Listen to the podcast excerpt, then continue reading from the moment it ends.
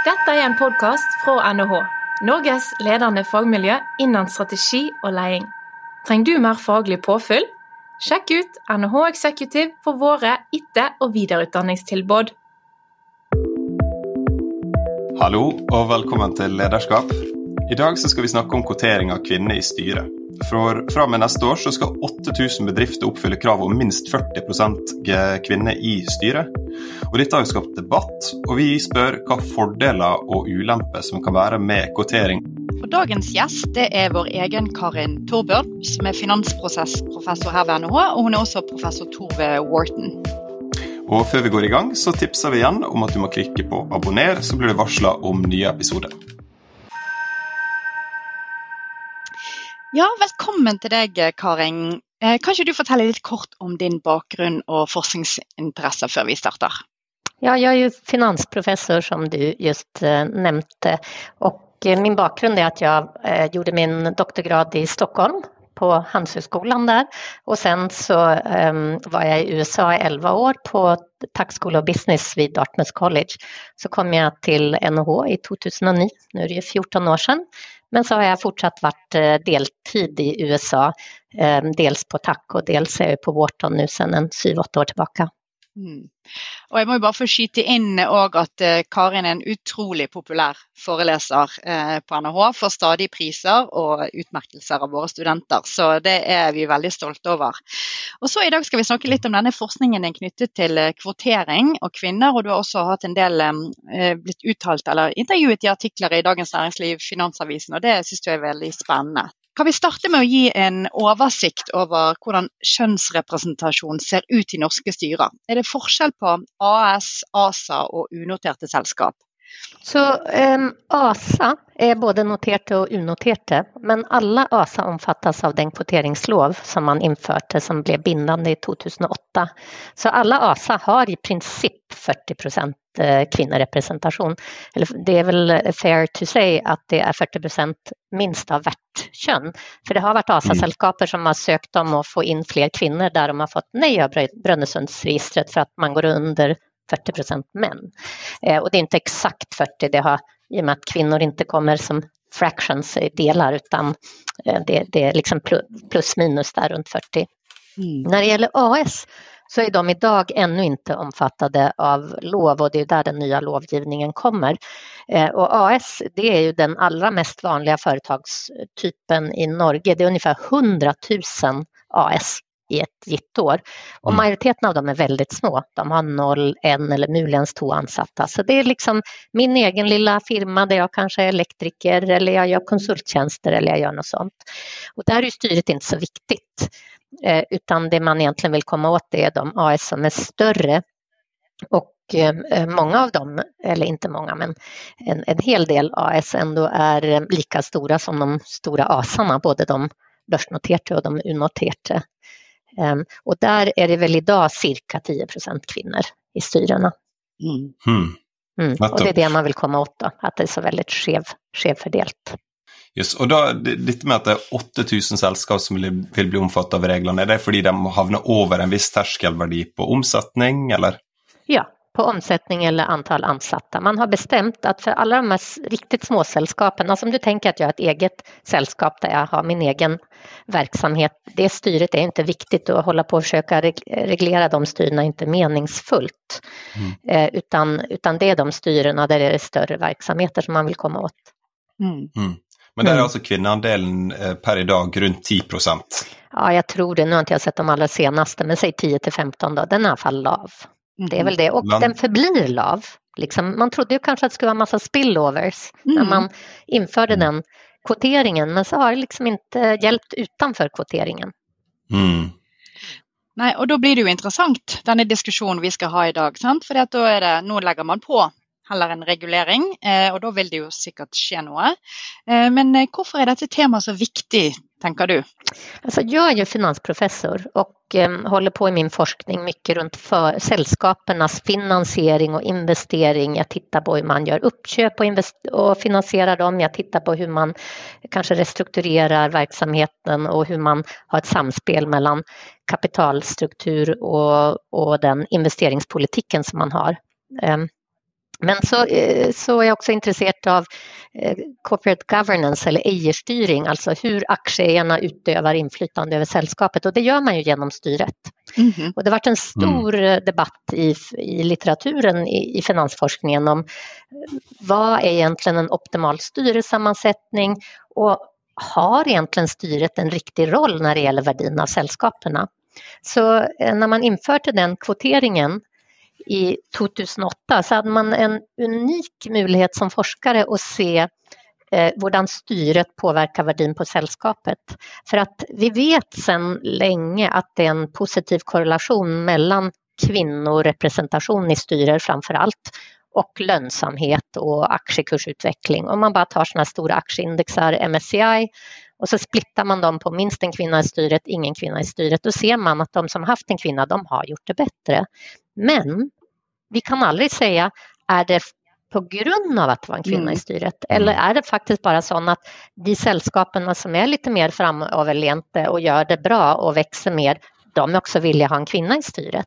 Men när den här norska kvoteringsloven kom så var det den första i världen faktiskt som på styrenivå var bindande. Eh, och då fick vi liksom ett experiment där vi kunde se om man gör en sån här chock till styret, hur påverkar det värdin? Så mm. det är mm. därifrån jag kommer med, med liksom intresset för att faktiskt se på, på styrets sammansättning. Mm. Och det är ju fantastiskt som du säger när du får dessa chockerna som genereras av någon andra än oss själva som forskare. Så du har väl skrivit några artiklar eller eh, gjort några studier i efterkant av det. Kanske du berätta lite om huvudfunnen där? Mm. Så jag har gjort en artikel tillsammans med Espen Eckbo och eh, Knut Nygård. Knut är på Oslo Met och Espen är på, på TAC, Dartmouth och också på NH. Han är toer hos oss. Ehm, som, som blev publicerat i Management Science för något år sedan. Och där så tittar vi just på eh, värdin av sällskapen i samband med annekvoteringen. För det är ju så att den bästa måten att se vad investorerna syns, det är att se vad som sker i marknaden när markedet får ny information. Och till exempel när den här kvoteringsloven då blev bestämt, då kan man se men vad, vad tyckte investerarna? Och huvudfundet var egentligen att de sa, ja, det spelar ingen roll. Det, det påverkar inte värdin, varken positivt eller negativt.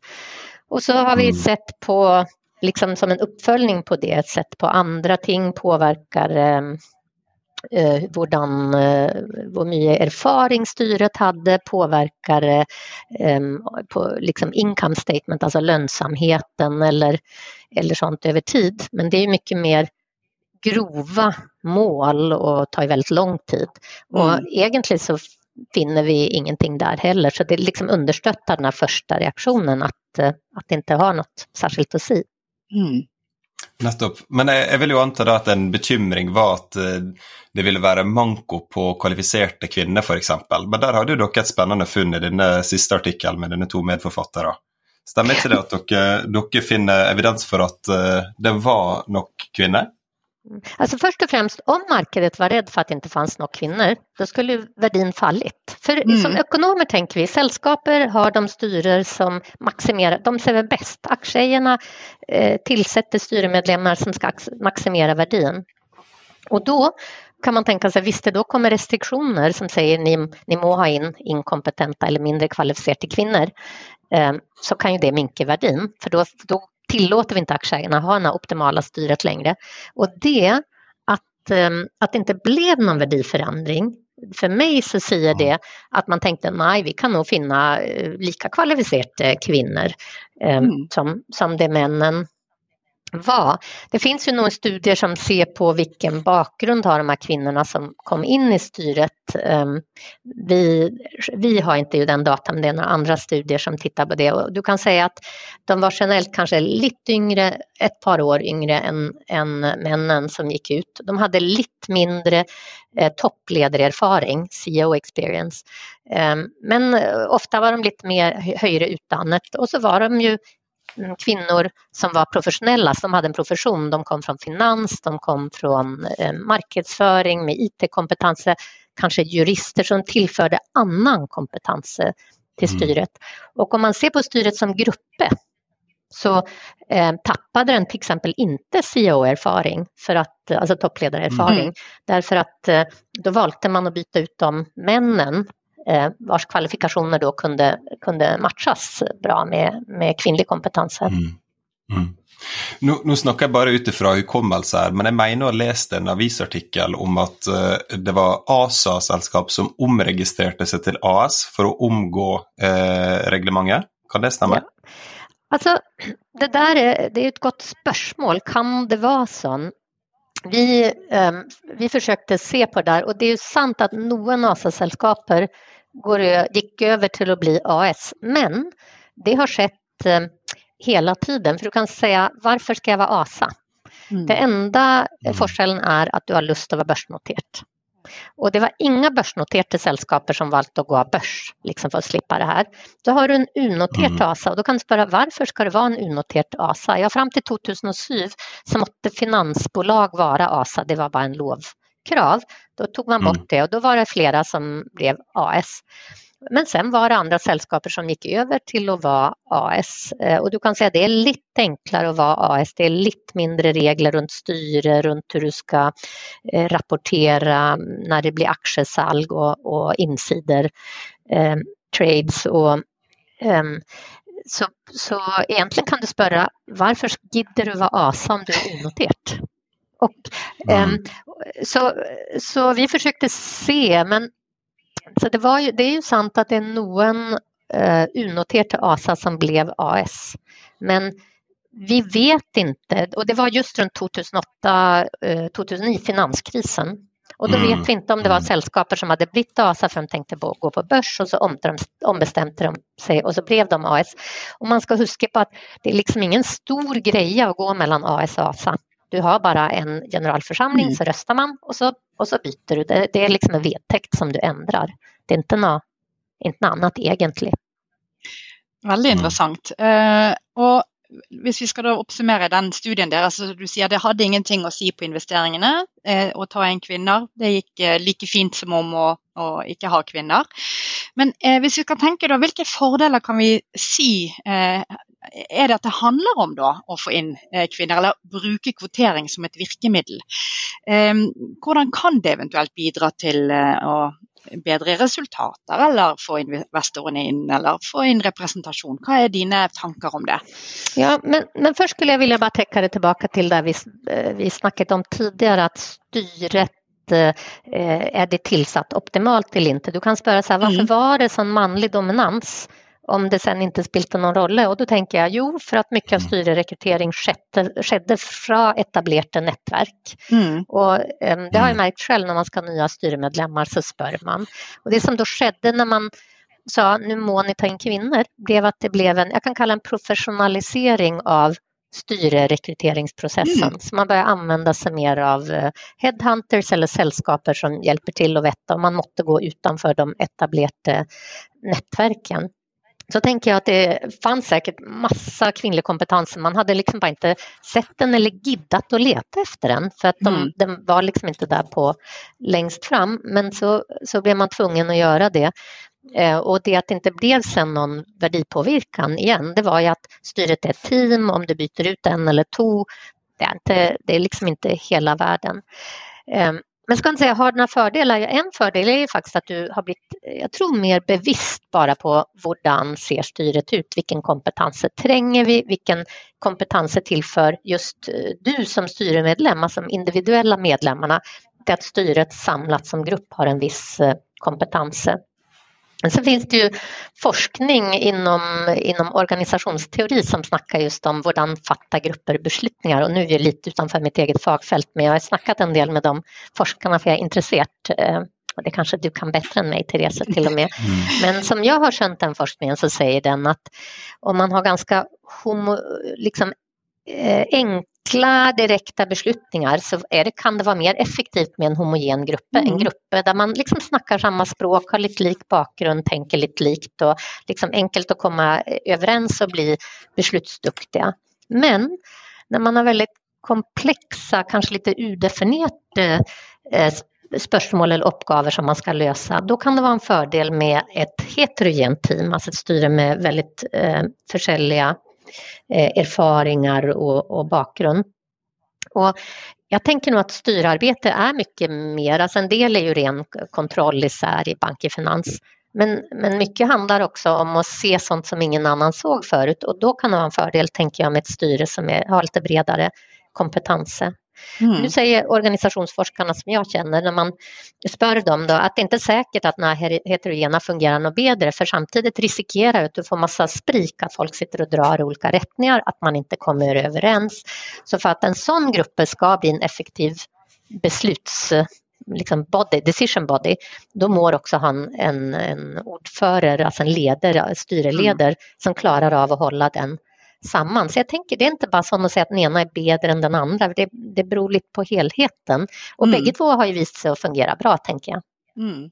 Det er utrolig spennende å høre deg eh, referere til den forskningen vi holder på med. Så det er jo helt riktig. Vi har jo egentlig sett mest på team, men et prosjekt vi skal inn i nå sammen med her Tellef og Inger Stensaker, som du kjenner, er jo nettopp styret som en mer strategisk sparingspartner for bedrifter. Og i hvilken grad gruppepsykologien og det å være et team eh, og tenke mer i de baner og trekke på den litteraturen kan forme styret, selv om de nå blir mer og mer heterogene. For det er som du sier, du har, du har et mye større potensial å trekke på personer som har ulik kompetanse, ulik bakgrunn, ulik personlighet, eller hvilke noen dimensjoner man velger å, å, ha et mangfold i forhold til. Men potensialet er også større for konflikt og sprik, fordi man snakker ikke samme språk, som du sier. Men her tror vi det er mulig å, å sette noen standarder, jobbe sammen for å bli det teamet og bli klar over hverandres forskjeller, styrker osv. Så, så det, det, skal jo bli et spennende tema, syns jeg, å gå inn i. Eh, og bare for å plukke opp igjen tråden da, som du sier med Vi gikk tilbake og så ja, det å ta inn kvinner, hvilke fordeler eh, kan det ha? Så ligger jo mye av spennet i det at mangfold, eh, ulike perspektiver inn. Noen andre kommentarer du har på det? Ja, men dels tänker jag att mångfald är mycket mer än kvinna och man och jag tror mm. ju att den individuella forskellen mellan olika kvinnor och mellan män är mycket större än den mellan grupperna som helhet. Så att det att man har kvoterat in kvinnor kanske helt enkelt bara ökat bevisstheten om mångfaldet mer än att just detta kvinna-man är så himla eh, viktigt. Jag sitter ju själv i flera styrer och det mm. har jag gjort de sista 15 åren. Och eh, när man kommer tillbaka till det här med vilken roll eh, spiller styret och liksom, litteraturen har ibland spurt, kan man inte bara konsulter då när det gäller att komma med strategiska mm. råd? Liksom, varför mm. ska du bruka, behöva bruka styret till det? Styret har ju två funktioner. Det är liksom att vara en typ av kontrollorgan liksom to hire, fire and fire the CEO and to set executive compensation. Men så också detta med att och ger råd. Och jag tänker eh, många gånger när jag sitter i de här styrena att eh, leder, toppledare är extremt viktigt. Och toppledare serverar också styret med informationen som man sen jobbar utifrån.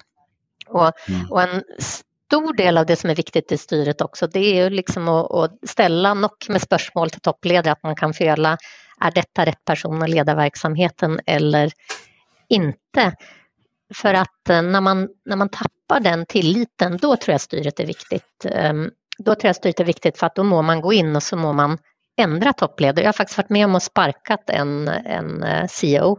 Ehm, och då hade jag suttit i det styret i cirka ett år.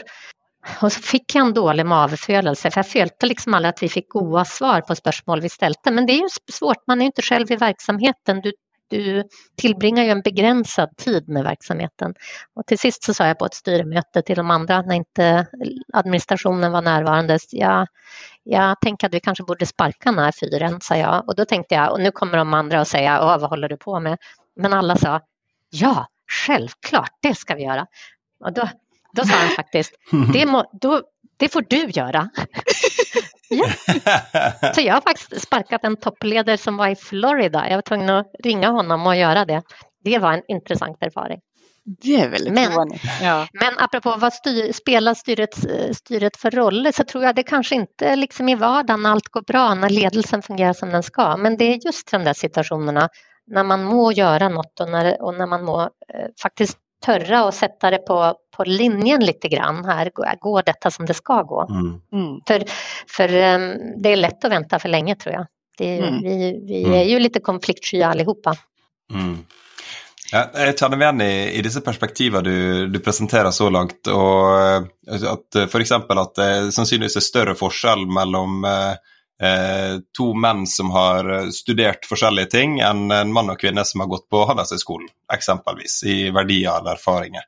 Men, eh, men, som du sier, så er det rundt 10-15 eh, kvinnerepresentasjon i styret, så der er jo en veldig stor ulikhet. Så fra et sånn feministisk perspektiv er det viktig å innføre kvotering nettopp for å rette opp i eh, tidligere uh, skjevheter? Alltså jag tänker att man, för att, för att få ett jämställt samfund så måste man göra massa ting, försöka med massa ting. Styrekvotering är ju en måte att liksom tvinga fram att kvinnor kommer i, i maktpositioner. Jag tror också att därmed har många kvinnor också blivit upptränade till att bli goda styremedlemmar. Det kan ha, ha goda effekter. Sen eh, är det ju de som har försökt se, har eh, haft spillover effects, har vi sett längre ner i verksamheten? Har det blivit till exempel mer kvinnor, du vet på mellanchefsnivå och i affären och så. Mm. Men eh, det ser inte ut som det. Det ser egentligen ut som att det stoppar i styret. Det har inte mm. haft spillover på sökande till Handelshögskolan eller på, på mellanleder eller, eller på andra städer i, i samfundet. Men eh, jag tänker att det är bara en en av de ställen som man faktiskt kan pusha för jämställdhet. Och, och det som gör styret kanske ett litet bra städ att göra det här, det eh, är att det är team. Det är mycket svårare om det är en roll, till exempel du ska vara rektor, för det är bara en person och där är egenskaperna mycket viktigare. Men i en grupp, där tänker jag, där kan man snacka mer om, om sammansättningen. Mm. Ja, vi har ju sett eh, forskning på effekten av, eh, av att ha eh, pappapermisjon og en eh, fastsatt kvote på det. ikke sant? At når man eh, fjerner frivilligheten, eller når man innfører frivillighet i hvem som skal ha foreldrepermisjon, så ser du at uh, menn i mye mindre grad tar ut foreldrepermisjon. Mm. Men dette, ser du på den nåværende norske lovgivninga som en midlertidig mekanisme? er det håp om at det vil være en unødvendig mekanisme om 20 år, eller må denne ligge fast, tror du? Det är ett intressant spörsmål. Alltså, vissa länder, typ Italien, den vet jag gjorde det som en midlertidig lov. Um, tror jag att det, kom, det kommer säkert då, nej jag tror att ska man fortsätta ha den, denna graden av kvinnorepresentation då må man eh, fortsätta ha mm. lovgivning. För det har jag hört i, i flera ASA-styrer, liksom, folk säger att vi må ha kvinnor. Mm. Eh, mm. Och det, jag, jag, tror det är, en, ja, det är lätt att liksom bara falla tillbaka till det som man känner. Du kan säga igen, för sällskapsvärdin spelar nog inte det någon roll. För jämställdheten kanske gör det. Mm. Ja, for det er jo nettopp hva er, hva er, det optimale målet her. Sant? Og det er jo nettopp det at alle skal ha mulighet. Og hvis det er som du sier fra de, fra de gamle tider der man gikk i de samme nettverkene, så blir det at menn snakket med menn. Så denne mer profesjonaliseringen av rekrutteringen ser jo ut som har hjulpet, og derav fordi vi har hatt denne lovgivningen. Men så er det jo likevel kritikere som sier det at ja, men da vil vi underminere kompetanse, kvalifikasjoner, eh, og at kvinner blir valgt bare fordi de er kvinner og blir sånne type kvotefyllere. Hva, hva har vi å si til, til de skeptikerne der? Ja, men jag tänker att det beror på hur långt ner i sällskapsstörelse man ska börja kräva det här. Och, och jag är kanske inte helt säker på att det är rätt väg att gå och gå på så pass många AS, AS som man gör. När det gäller ASarna så har ju Norge cirka 200 börsnoterade sällskaper. En typisk styre har som fem eh, styremedlemmar som är utnämnda av aktieägarna så har du tillägg till det kanske arbetstagarrepresentanter men de har egna kvoter. Eh, så om du då tar fem gånger 200 då har du tusen totalt eh, styremedlemmar eller styreplatser mm. och så ska 40 procent av dem kvin vara kvinnor. Då snackar vi om 400. Det är klart att, eh, att vi, det finns mellan liksom 300-400 kompetenta kvinnor i Norge. Man kan inte tro något annat, alltså, då vet jag inte vem man är. um, och, eh, och så tänker jag också att det var en styremedlem är ju inte rocket science. Alltså vad, är, vad krävs för en god styremedlem? Ja, det är integritet, det är ju en, en eh, ävne att vara lite kritisk och tänka lite kritiskt, sköna verksamheten nog för att kunna ställa spörsmål. För att det är ju aldrig styret som svarar på spörsmålen i min erfaring, men vi ställer spörsmål på den informationen som man får då från administrerande och från andra i, i ledelsen och då för att liksom kanske få, få rättningar eller sånt som man inte hade tagit annars. Men, men igen, 8000 sällskaper, eh, nu en AS, eh, man tränger väl inte mer än tre styremedlemmar tror jag i en AS. Eh, så, så jag är inte säker på hur många kvinnor det är heller, men igen, alltså att de allra största ASen, fine tänker jag, det är inget problem. Hur långt ner ska man gå? Där kan man ju, där kan man ju ifrågasätta det. Men, men igen, det finns ju massa kompetenser runt om, mm. både bland mm. kvinnor och män. Mm. Men eh, hva med, kan det være en problemstilling at du får noen sånne styregrossister, altså kvinner som er eh, ettertrakta, men som da sitter på tvers av veldig mange forskjellige selskap, eh, fordi de har, er anerkjente? At det er en sånn eh, hva heter Matthew-effekt? At eh, man samler seg rundt noen få? Mm, visst kan man få det, man kallar det golden skirts eh, när jag har hört det. Ehm, men vet du att före den här kvoteringsloven kom så fanns det faktiskt ett eh, antal män som var styregrossister och så blev de erstattet kanske av någon kvinnor. Sen har det blivit eh, färre styruppdrag. Ehm, I USA så har man begränsningar på hur många styruppdrag man får ha i stora sällskaper. Jag tänker att en viktig aspekt är ju också, har en fulltidsjobb vid sidan av styruppdragen mm. och det snackar vi inte så mycket om men det tänker jag själv som då har ett professorat och gör lite vart att det är inte antalet styruppdrag egentligen som är det värsta utan det är ju att jag har en jobb som jag måste sköta också. Mm. Mm. Men, men visst finns risikon men jag tänker det är ju, det må ju sällskapen och aktieägarna väja. Um, just om, om det är en, en unik kvinna. Men jag, igen, jag tror att det är så mycket eh, kvinnor som arbetar och, och kan och har kompetenser inom olika fagområden så att jag kan inte se att det är ett stort problem. Eh, eh, vet du ikke i hvilken grad du har god oversikt over andre land eller spesifikke organisationer som har det, lykkes med å implementere kvotering av kvinner, så sånn at det blir langsiktige fordeler eller at vi oppnår noe reell likestilling. Kjenner du til noe eh, där. Nej, när det gäller kvotering till styre då är det ju västliga land som har gjort det. Mm. Eh, så det är europeiska land och så i USA då har det varit vissa stater, Kalifornien bland annat, okay. Eh, gjorde så det forskjell i staterna alltså? Mm. Mm. Och, fast nu har domstol i USA slagit ner på det eh, och sagt att det inte var lovligt det Kalifornien gjorde. Men Nasdaq har, har också infört krav på ja, här comply or explain. Alltså antingen ska du ha kvinnor och minoriteter eller så ska du förklara varför du inte har det. Och det är väl också en rättsstrid eh, runt den just nu. Men, men när det gäller kvotering annars, alltså en del utav den här politiska litteraturen snackar om kvotering till eh, valg, alltså kvotering till beslutsfattande politiska organer. Och jag vet i Sverige så det var inte en formell kvotering men där sa de socialdemokratiska kvinnorna eh, vid en tidpunkt att nu ska vi ha varannan man och varannan kvinna på listan valbara listan, annars så bildar vi ett eget parti. Och då gick man med på det. Och då blev det nästan som en kvotering. Det var ett chock mm. till det svenska politiska systemet för då kom det in massa kvinnor sen i kommuner och landsting, mm. Eh, alltså i, i, politiska beslutsfattande organer. Och då, den här studien som jag tänker på nu som kom ut i American Economic Review, den, den var ganska kul tycker jag, för där hade man på männen eh, fått deras IQ från när de mönstrade för militärtjänst. Och då såg man att eh, manlig IQ gick upp därför att de minst begåvade männen, det var de som halkade ur, liksom kommunerna och landstingen.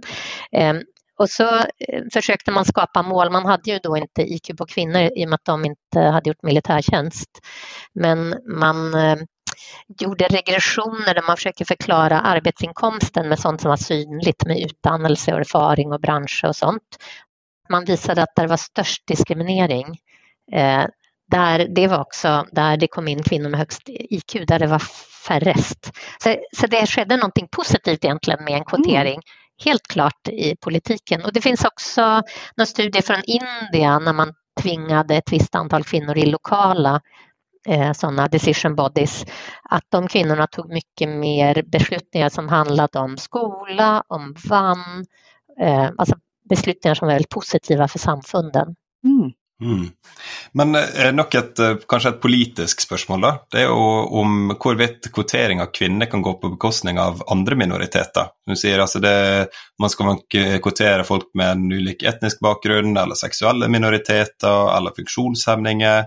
Ehm, kan man enten riskera att det nuvarande kvoteringssystemet går på bekostning av minoriteter, eller kan man eh, se för sig att man vill införa kvoter för den typen minoriteter också i framtiden? Alltså, jag är benägen att tro att all fokus på minoriteter, vare sig det är kvinnor eller andra, är positivt. Um, när jag snackar med mina homosexuella kompisar i USA, då säger de bara go for it, liksom för att det ökar det bryter upp de här starka vita manliga nätverken. Nu vill du inte liksom erstatta bara vita män med vita kvinnor från Handelshögskolan, för det är ju inte, mm. det var ju liksom inte den the, the diversity som vi tittade efter. Men eh, jag, jag, tänker man måste ju börja någonstans. Och det är svårare att mm. kvotera in andra grupper, det tänker jag. Mm. Men det är ju ett intressant spørsmål, for hvis det är som du säger Karin, att det har varit lite spillovers ved å ha inn kvinner til, til mellomledersjiktet, til andre styrer som nå skal ha det, så ja, kan vi tenke at det er For det virker nærmest som at her må man inn med, med ganske ja, sterke reguleringer for å få til eh, endring. Så, men jeg tror jo mm. nettopp, så, så dere snakker litt om at det å sette kvoter for så mange ulike varianter og minoriteter, det kan bli en ekstrem kompleksitet som gjør at vi, mm. ja, det, det virker problematisk.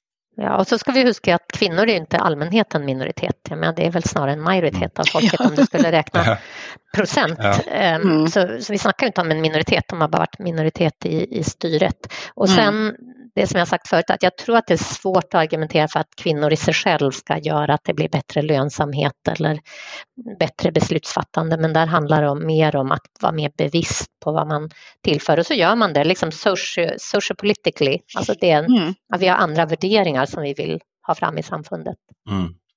Nå sa jo du at, eh, at intensjonen ikke var å erstatte eh, hvite menn med hvite, blonde kvinner med handelshøyskoleutdannelse, eh, men, men finnes det noe data på det? Altså, har det vært, vet du hva effekten har vært i, i Norge? For jeg kan jo se for meg at det er en overrepresentasjon av kvinner som er hvite, blonde og har juss eller økonomisk utdanning?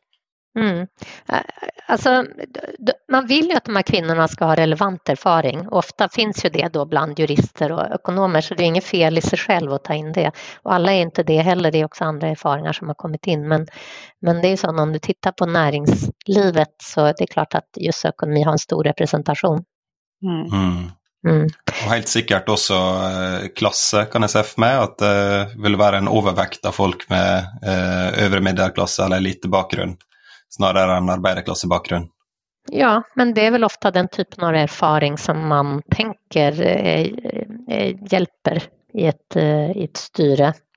Um, och du har ju dessutom i de här ASA-styrena också arbetstagarrepresentanter som då kanske kommer mer till där, det beror på hur arbetsstyrkan ser ut, men där har du ju mer representation mm. av arbetsstyrkan. Mm. Men Finnes det andre mekanismer man kan bruke for å oppnå eh, større grad av mangfold annet enn eh, kvotering og, og regler? Eh, har du eksempel på det? Nej, i amerikanska universitet idag är en extremt stor fokus på att öka diversity i faculty och eh, finans är ett väldigt mansdominerat fagfält. Jag menar, jag tror på professornivå um, i västvärlden ungefär 5% kvinnor, faktiskt värre än i finansbranschen. Eh, och då, nu, numera har ju alla universiteten ansatt sådana diversity officers och när du ska söka en tjänst så måste du skriva en diversity statement. Men då är det också sån obligatorisk utbildning så då måste man, liksom alla som ska vara med och rekrytera måste ta kurs där man snackar just om implicit biases, hur, hur, vad tänker vi om den kvinna, vad tänker vi om den man, en minoritet. Så där handlar det väl sån och medvetandegöra. Så du kan se en organisation som verkligen är bevisst på att man vill ändra. Eh, då tror jag att man måste se så att alla individer i en beslutsfattande position faktiskt blir bevissta på sina egna undermedvetna mm. Eh, skevheter eller biases. Mm. För jag tror vi mm. har dem allihopa. Och det är väl enda måten, antingen kvotera eller så verkligen tvingar du fram en förändring. Men den är ju mm. jobbig och det är inte säkert folk vill det, det är en annan sak. Men jag tror mm. det är kanske en mått att gå fram på. Nettopp. Ja, for da har du eh, litt sånn intern opplæring eller kursing av dem som sitter i beslutningsprosesser. Men hva med kursing og utvikling av eh, potensielle styremedlemmer? Er du kjent med arbeid som, som gjøres for å øke, øke, bevisstheten rundt styrearbeid, eller altså, finnes det eh, databaser eller kurs eller eh, styrelister eller sånt som är aktuella? Ja, men det finns ju massa kurs för styremedlemmar. Men eh, mig vetligt handlar de inte om diversity per se utan de handlar mer om den kompetensen du tränger som styremedlem och vi har inte minst vår egen interna som Inger Stensaker leder, det styreprogrammet för mm. alla de som vill ha, ha, ha, lite mer food for thought. Så, så den är mer faglig skulle jag säga, den, den utdannelsen du kan få på finanssidan, på mm. räkenskapssidan, på strategisidan. Mm. Men ja. Men tror du da som NHH-ansatt å synse litt rundt f.eks. stipendordninger for kvinner knytta til det styreprogrammet, eller eh, är er det eh, en kjønnsandel på styreprogrammet f.eks.? Er det den type mekanismer man kan potensiellt innføre? Nej, men jag tror inte att, att, problemet är bristen på kompetenta kvinnor till styre. Det finns ju, det kommer ju fram massa sådana här eh, styrelister i samband mm. med kvoteringen. Så, eh, och du har ju alla rekryteringsfirmorna som jag tror har långa namnlistor. Så jag har inte en känsla i Norge idag att det ligger ett problem där. Men du kan säga att det finns ju alltid en friktion för de sällskaper som inte har kvinnor i sällskapet idag. Alltså de AS som nu måste ändra styret. Och så kostar det ju lite pengar att bruka en rekryteringsfirma och så, så det är liksom en treghet i systemet men det är inte det att det finns. Så att Nej, jag vet inte, stipendieordning till styreprogram för kvinnor, då tänker jag då skulle den stipendieordningen istället vara till någon annan. Och så är det en sak att vara styremedlem och ta ett sådant kurs för att liksom tänka runt ditt eget arbete men det är väldigt svårt att, att utdanna en styremedlem, som, alltså någon som ännu inte har varit styremedlem. Om mm. du tänker en, en, en, person för att bli kvalificerad eh, innan, innan du har kommit in i jobben. Mm. Men eh, hvis man da er eh, si forholdsvis ung da, og lytter på denne podkasten her, hva type eh, ting kan man gjøre for å eh, gjøre seg aktuell som styremedlem? Mm, skaffa sig god professionell bakgrund. Vara entreprenör, jobba i finans, jobba i, i, i olika sällskaper och, och, och, ofta alltså någon typ av ledarfunktion kanske eller specialistkompetens. Ehm, så mm. det handlar ju om att, visa framfötterna och sen kan du säga hur får man sin första styreroll? Hur, kom, hur blir man sedd?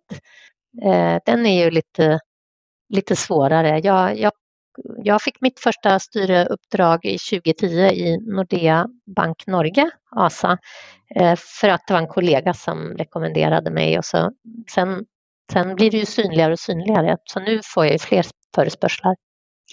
Ja, jeg fikk jo bare lyst til å dele min egen, og det var pga. denne podkasten. Så fikk jeg en, en henvendelse. Syns det var mye bra vi holdt på med her, kan vi ta en prat? Og så fikk jeg et eh, styreverv. jeg får vel si at dere to er jo da glimrende eksempel på golden skirts. det borde man jo skjemmes for. Ja. Eh, det er ikke så mange styreverv, men jeg tror jo det er viktig, eh, som du sier litt, Karin, det er å kjenne sin besøkelsestid i forhold til har man et engasjement og lyst til å bidra ut eh, og være med og påvirke, så er det jo en utrolig fin mulighet. Og nå er det jo fordi vi har denne nye lovgivningen med at disse 8000 selskapene skal ha kvinner, så tror jeg vi må si at det må være opp til kvinner òg å melde seg på. Uh, og det de kan melde seg på, er jo som du sier, Karen, det finnes flere sånne type kvinnelister og og stort engasjement rundt det å få inn kompetanse fra kvinner. Så det nytter nok ikke å sitte hjemme og håpe at noen ringer en dag. Man må nok eh, prøve å søke ut, så det eh, tenker jeg eh, er viktig sånn sett. Men jeg lurer på om vi skal begynne å gå litt inn for landing. Jeg syns det har vært utrolig mange spennende tematikker. Og jeg hadde jo egentlig lyst til å liksom si OK, er fremtiden eh, avslutte med er fremtiden fortsatt der at vi må ha kvotering? Men det tror jeg vi har diskutert såpass mye underveis at vi er ganske enige om det at eh, tar vi bort den dimensjonen, så forsvinner nok litt av, eh, av eh, kvote, eller det å få opp representasjon. Men sånn helt til slutt da, Karin. Hvis det sitter noen der ute nå som er styre eller ledere og skal rekruttere folk, hva er noen konkrete tips de kan eh, ta med seg for å øke kvinneandelen og få inn kompetente kvinner? Ja, men jag tänker först tänka efter vilken typ av kompetenser skulle vi vilja tillföra styret. Mm. Um, och, och då tänker jag kanske fagligt, alltså tränger vi mer på IKT-sidan, på IT-sidan, tränger vi mer på marknadssidan eller tränger vi bättre finansförståelse etc. Och sen när man har funnit ut lite vilken typ av kompetens man skulle önska, då, då kan man ju börja se sig om i, i samfundet, i andra sällskaper eller i bekantskapskretsen eller visst man vill snacka med en rekryteringsfirma, det beror på vilka ekonomiska resurser man har. Mm. Jag kan också også spørre om du har noen tips til nåværende styremedlemmer til hvordan de eh, kan gjøre sin eh, jobb eller oppfylle sin rolle på best mulig måte? Jag tänker inte vara rädd för att mista sitt styremedlemskap och med mm. det menar jag inte vara rädd för att säga det de tänker högt. För att eh, jag tror att styrarbete lätt kan dels präglas lite av konsensus och lite av en ovilja eller rädsla för att faktiskt säga precis vad du tänker för du vill inte framstå som dum eller du vill inte vara så konfrontationell. Eh, och jag tänker att den bästa styremedlemmen det är den som törs att säga det de tänker och liksom the gut feeling och så förlorar du jobben liksom för att andra tycker att du är stökig, då får man väl ta det. Jeg får jo lyst til å för reklamere for eget eh, verktyg, verktøy, men vi har jo dette Start Smart-verktøyet som vi har laget for team. Men där har vi en eh, bekant, bekjent, Tom Georg Olsen, som har begynt å bruke det for styrer. Fordi han snakker om at det et styre skal sette seg, så er det For jeg kom på det når du sa, Karin, hvis ikke man er trygg, hvis man sitter og holder tilbake og ikke tør egentlig å fortelle hva man mener, så har man jo tapt egentlig den kompetansen vedkommende sitter med. Så hvordan kan man eh, lage et rom i det styrerommet der det er både trygt og fint å uttale seg og være kritisk, og òg ikke komme i den faren med å være konsensusbasert og være nikkende. Så, så det syns jeg er artig å høre at vår teamforskning har eh, allerede bidratt litt inn i, i styresammenheng. Så tusen takk skal du ha for at du var med oss i dag, Karin. Veldig kjekt å høre på deg. Og masse lykke til videre med din spennende forskning og undervisning og styreverv. Takk skal du ha. Veldig hyggelig å få være med. Tusen takk. Du har nå hørt på Lederskap, NHHs podkast om ledelse. Mitt navn er Therese Egeland. Og jeg heter Tellef Solbakk Rave. Dere må gjerne komme med tilbakemeldinger eller innspill til tema. Og du finner kontaktinformasjonen vår på NHH sin hjemmeside, eller så kan du skrive til oss direkte på Twitter, eller som heter X, og LinkedIn. Og om du likte det du hørte, så blir vi selvfølgelig veldig glad om du vil abonnere eller dele episoden med kolleger eller venner. Og så høres vi senere i sesongen. Takk for nå.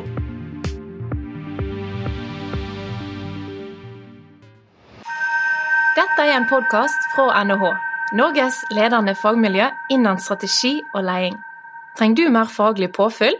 Sjekk ut NHH Executive for våre etter- og videreutdanningstilbud.